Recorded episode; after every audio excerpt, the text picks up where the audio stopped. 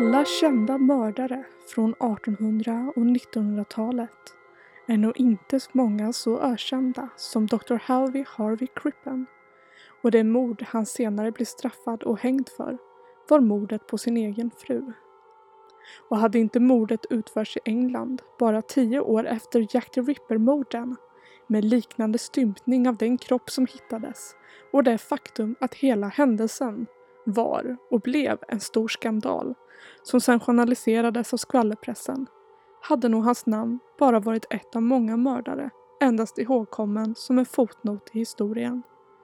Men som det var och blev blåses istället skandalen och mordet upp till massiva proportioner och hamnade i tidningar och nyheter världen över. Men frågan som fortfarande ställs är om Crippen verkligen var skyldig. Om den kvinna han sedan flydde med hade någon del i mordet. Om hans frus häftiga humör idag kan ha varit en förmildrande omständighet. Om det verkligen var hans fru som låg begravd i husets källare. Jag är Gustav Passion och detta är en blodig historia.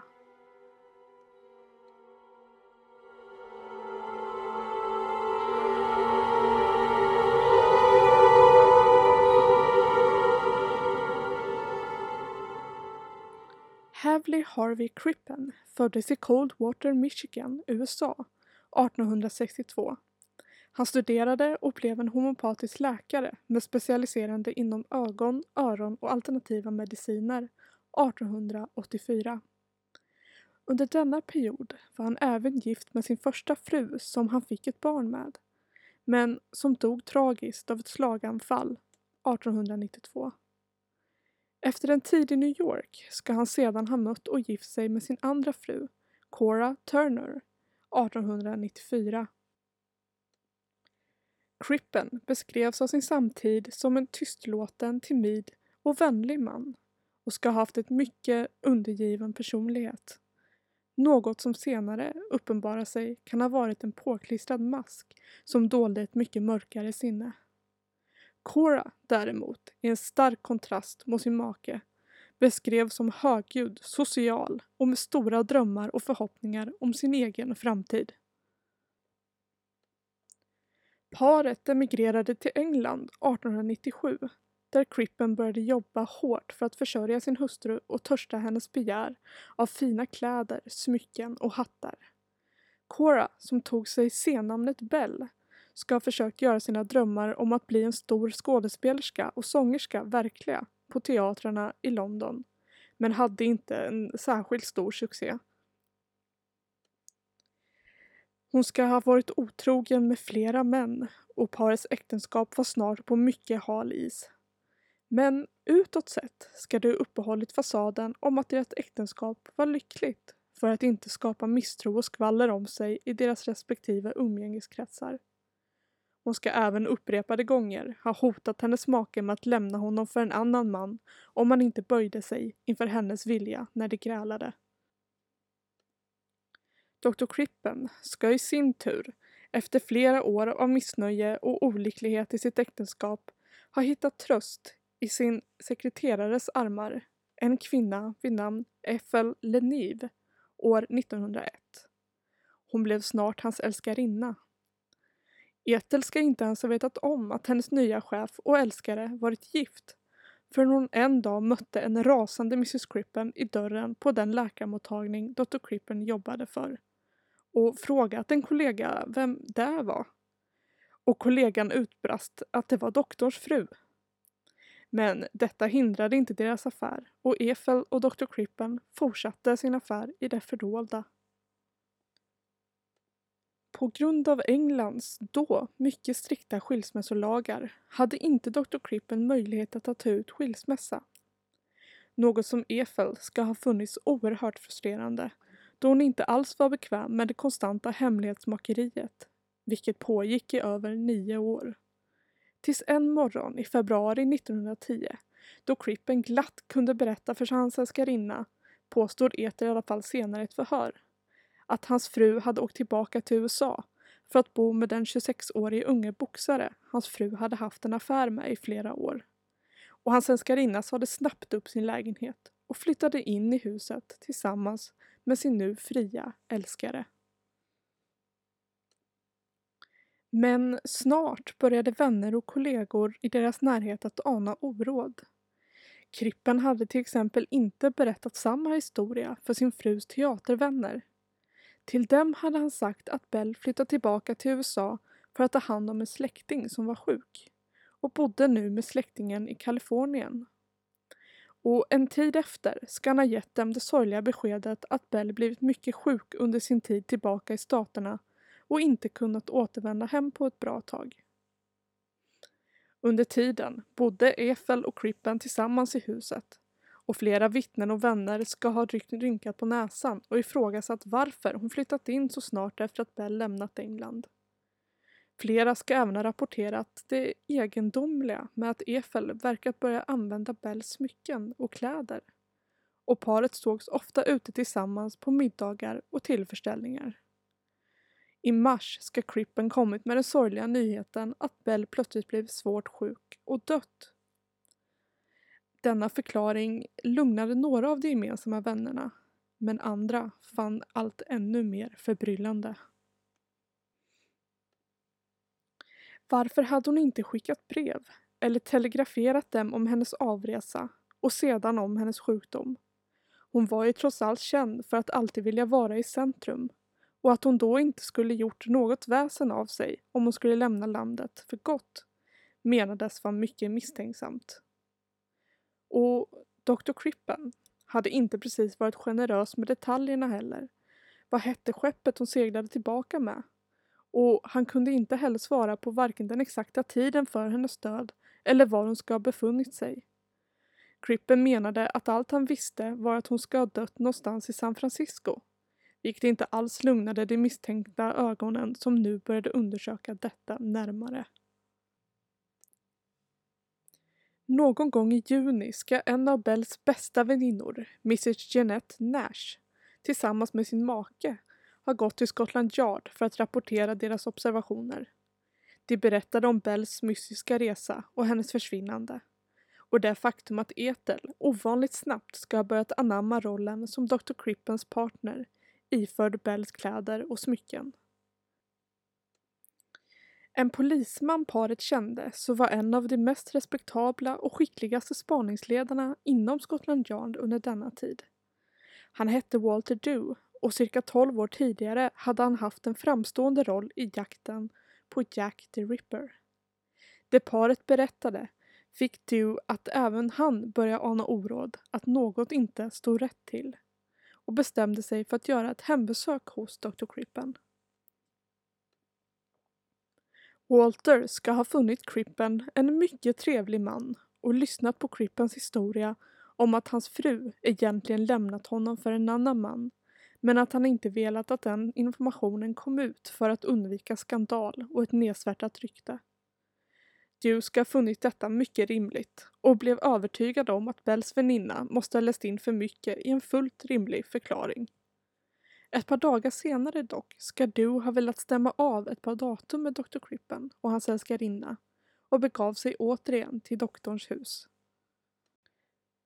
Men fann det tomt och övergivet. Varken Crippen eller Efeld fanns att hitta någonstans. Han kallade snabbt dit förstärkning och sökte igenom huset. Först hittade de ingenting, förutom det faktum att paret verkade ha länsat huset på tillgångar, då inte ett spår av vare sig Crippen, Efel eller Bell fanns att hitta någonstans. Men Dew hade en aning och en olustig känsla av att något inte stod rätt till i källaren. Och efter att ha brutit upp golvplankorna i ett hörn som var ovanligt placerade gjorde konstapeln en mycket makaber upptäckt. Iförd en smutsig pyjamas låg en överkropp som saknade huvud, armar och ben.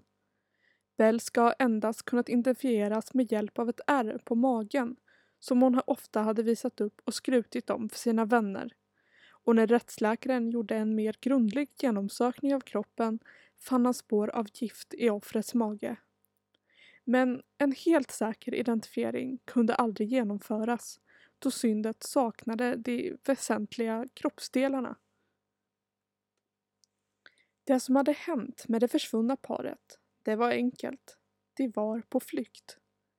Några dagar tidigare, strax efter det att Walter Dew hade tagit sin första kontakt med Crippen, hade han bett Efel att klippa av sitt långa, mörka, lockiga hår och ta på sig manskläder och posera som hans son, medan han själv hade rakat av sin identifierbara mustasch.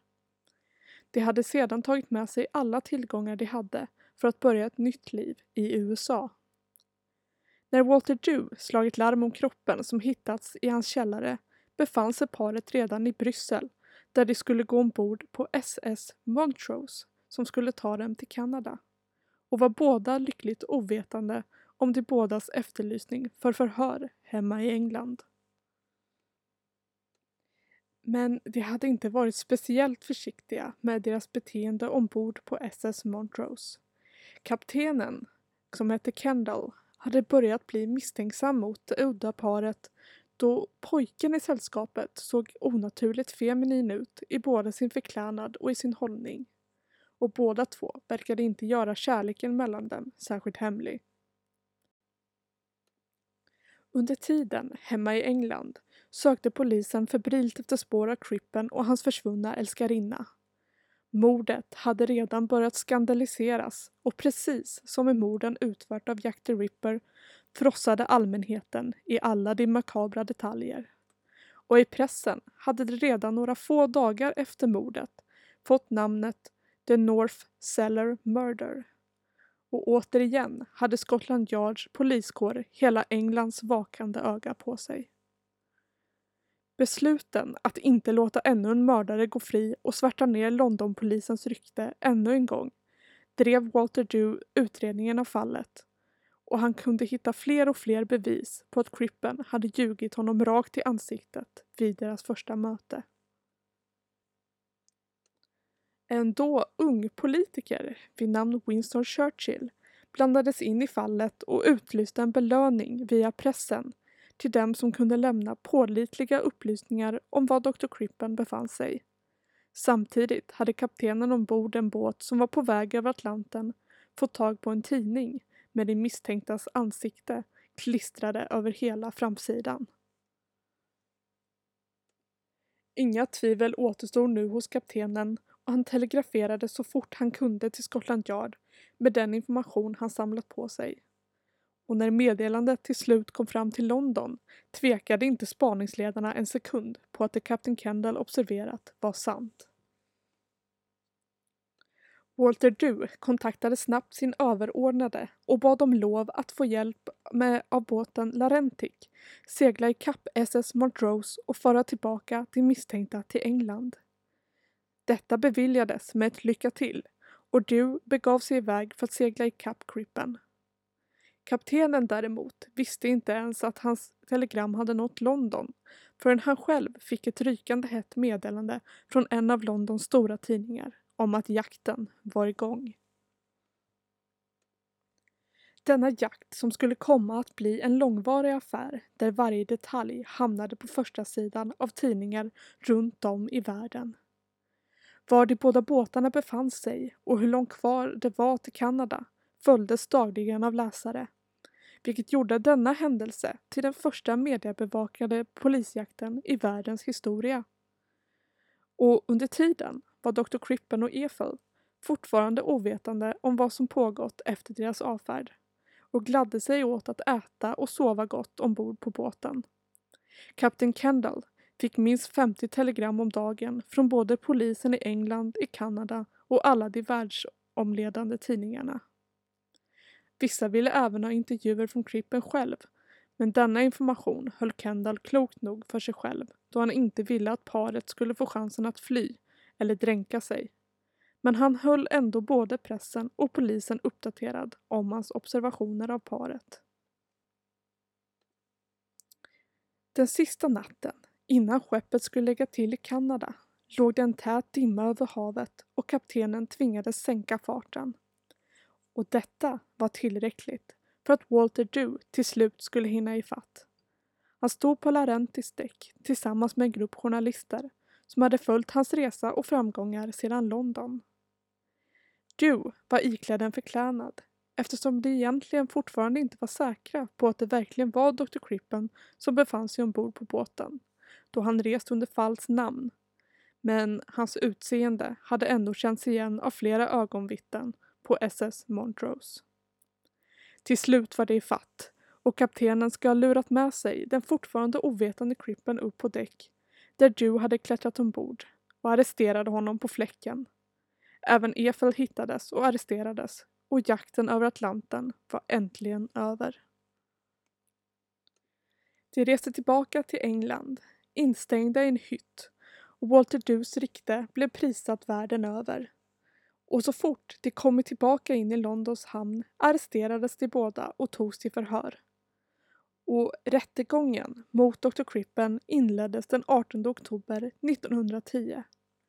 Efes inblandning dömdes vara oskyldig efter hennes vittnesmål om att hon inte ska haft någon aning om kroppen i källaren och endast klätt sig i manskläder under deras resa för att Crippen hade föreslagit det som en slags lek.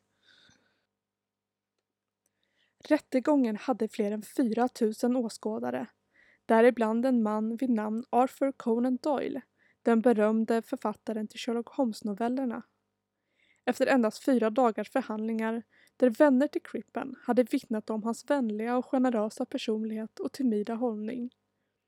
Men där dödsstöten kommit, när bevisen som hittades på den lemlästade överkroppen presenterades, där också ett ögonvittne kunde vittna om Dr. Crippens inköp av gift i januari 1910.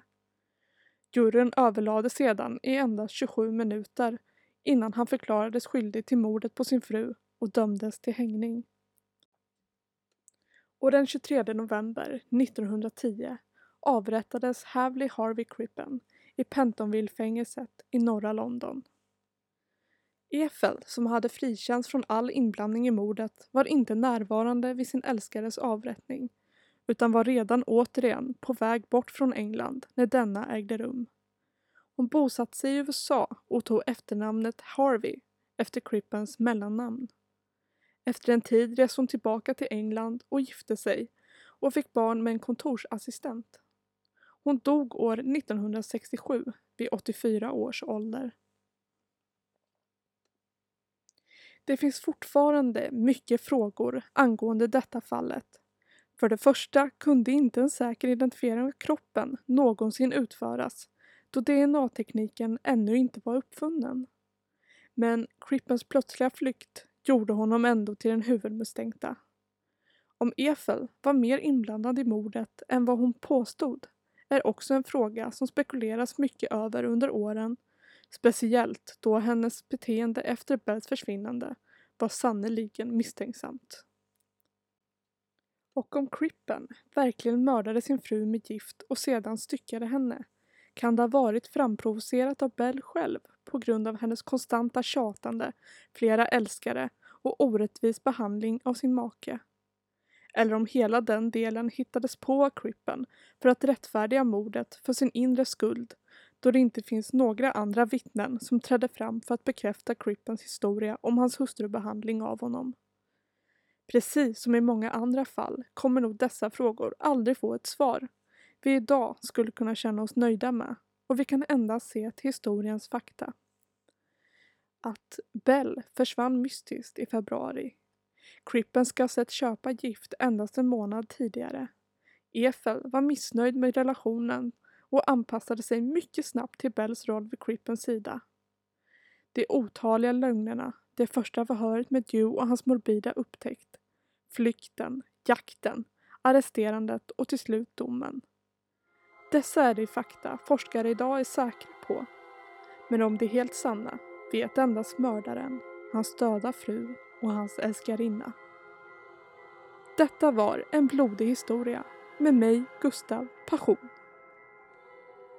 Tack för att ni lyssnat. Detta var En blodig historia med mig, Gustav Passion.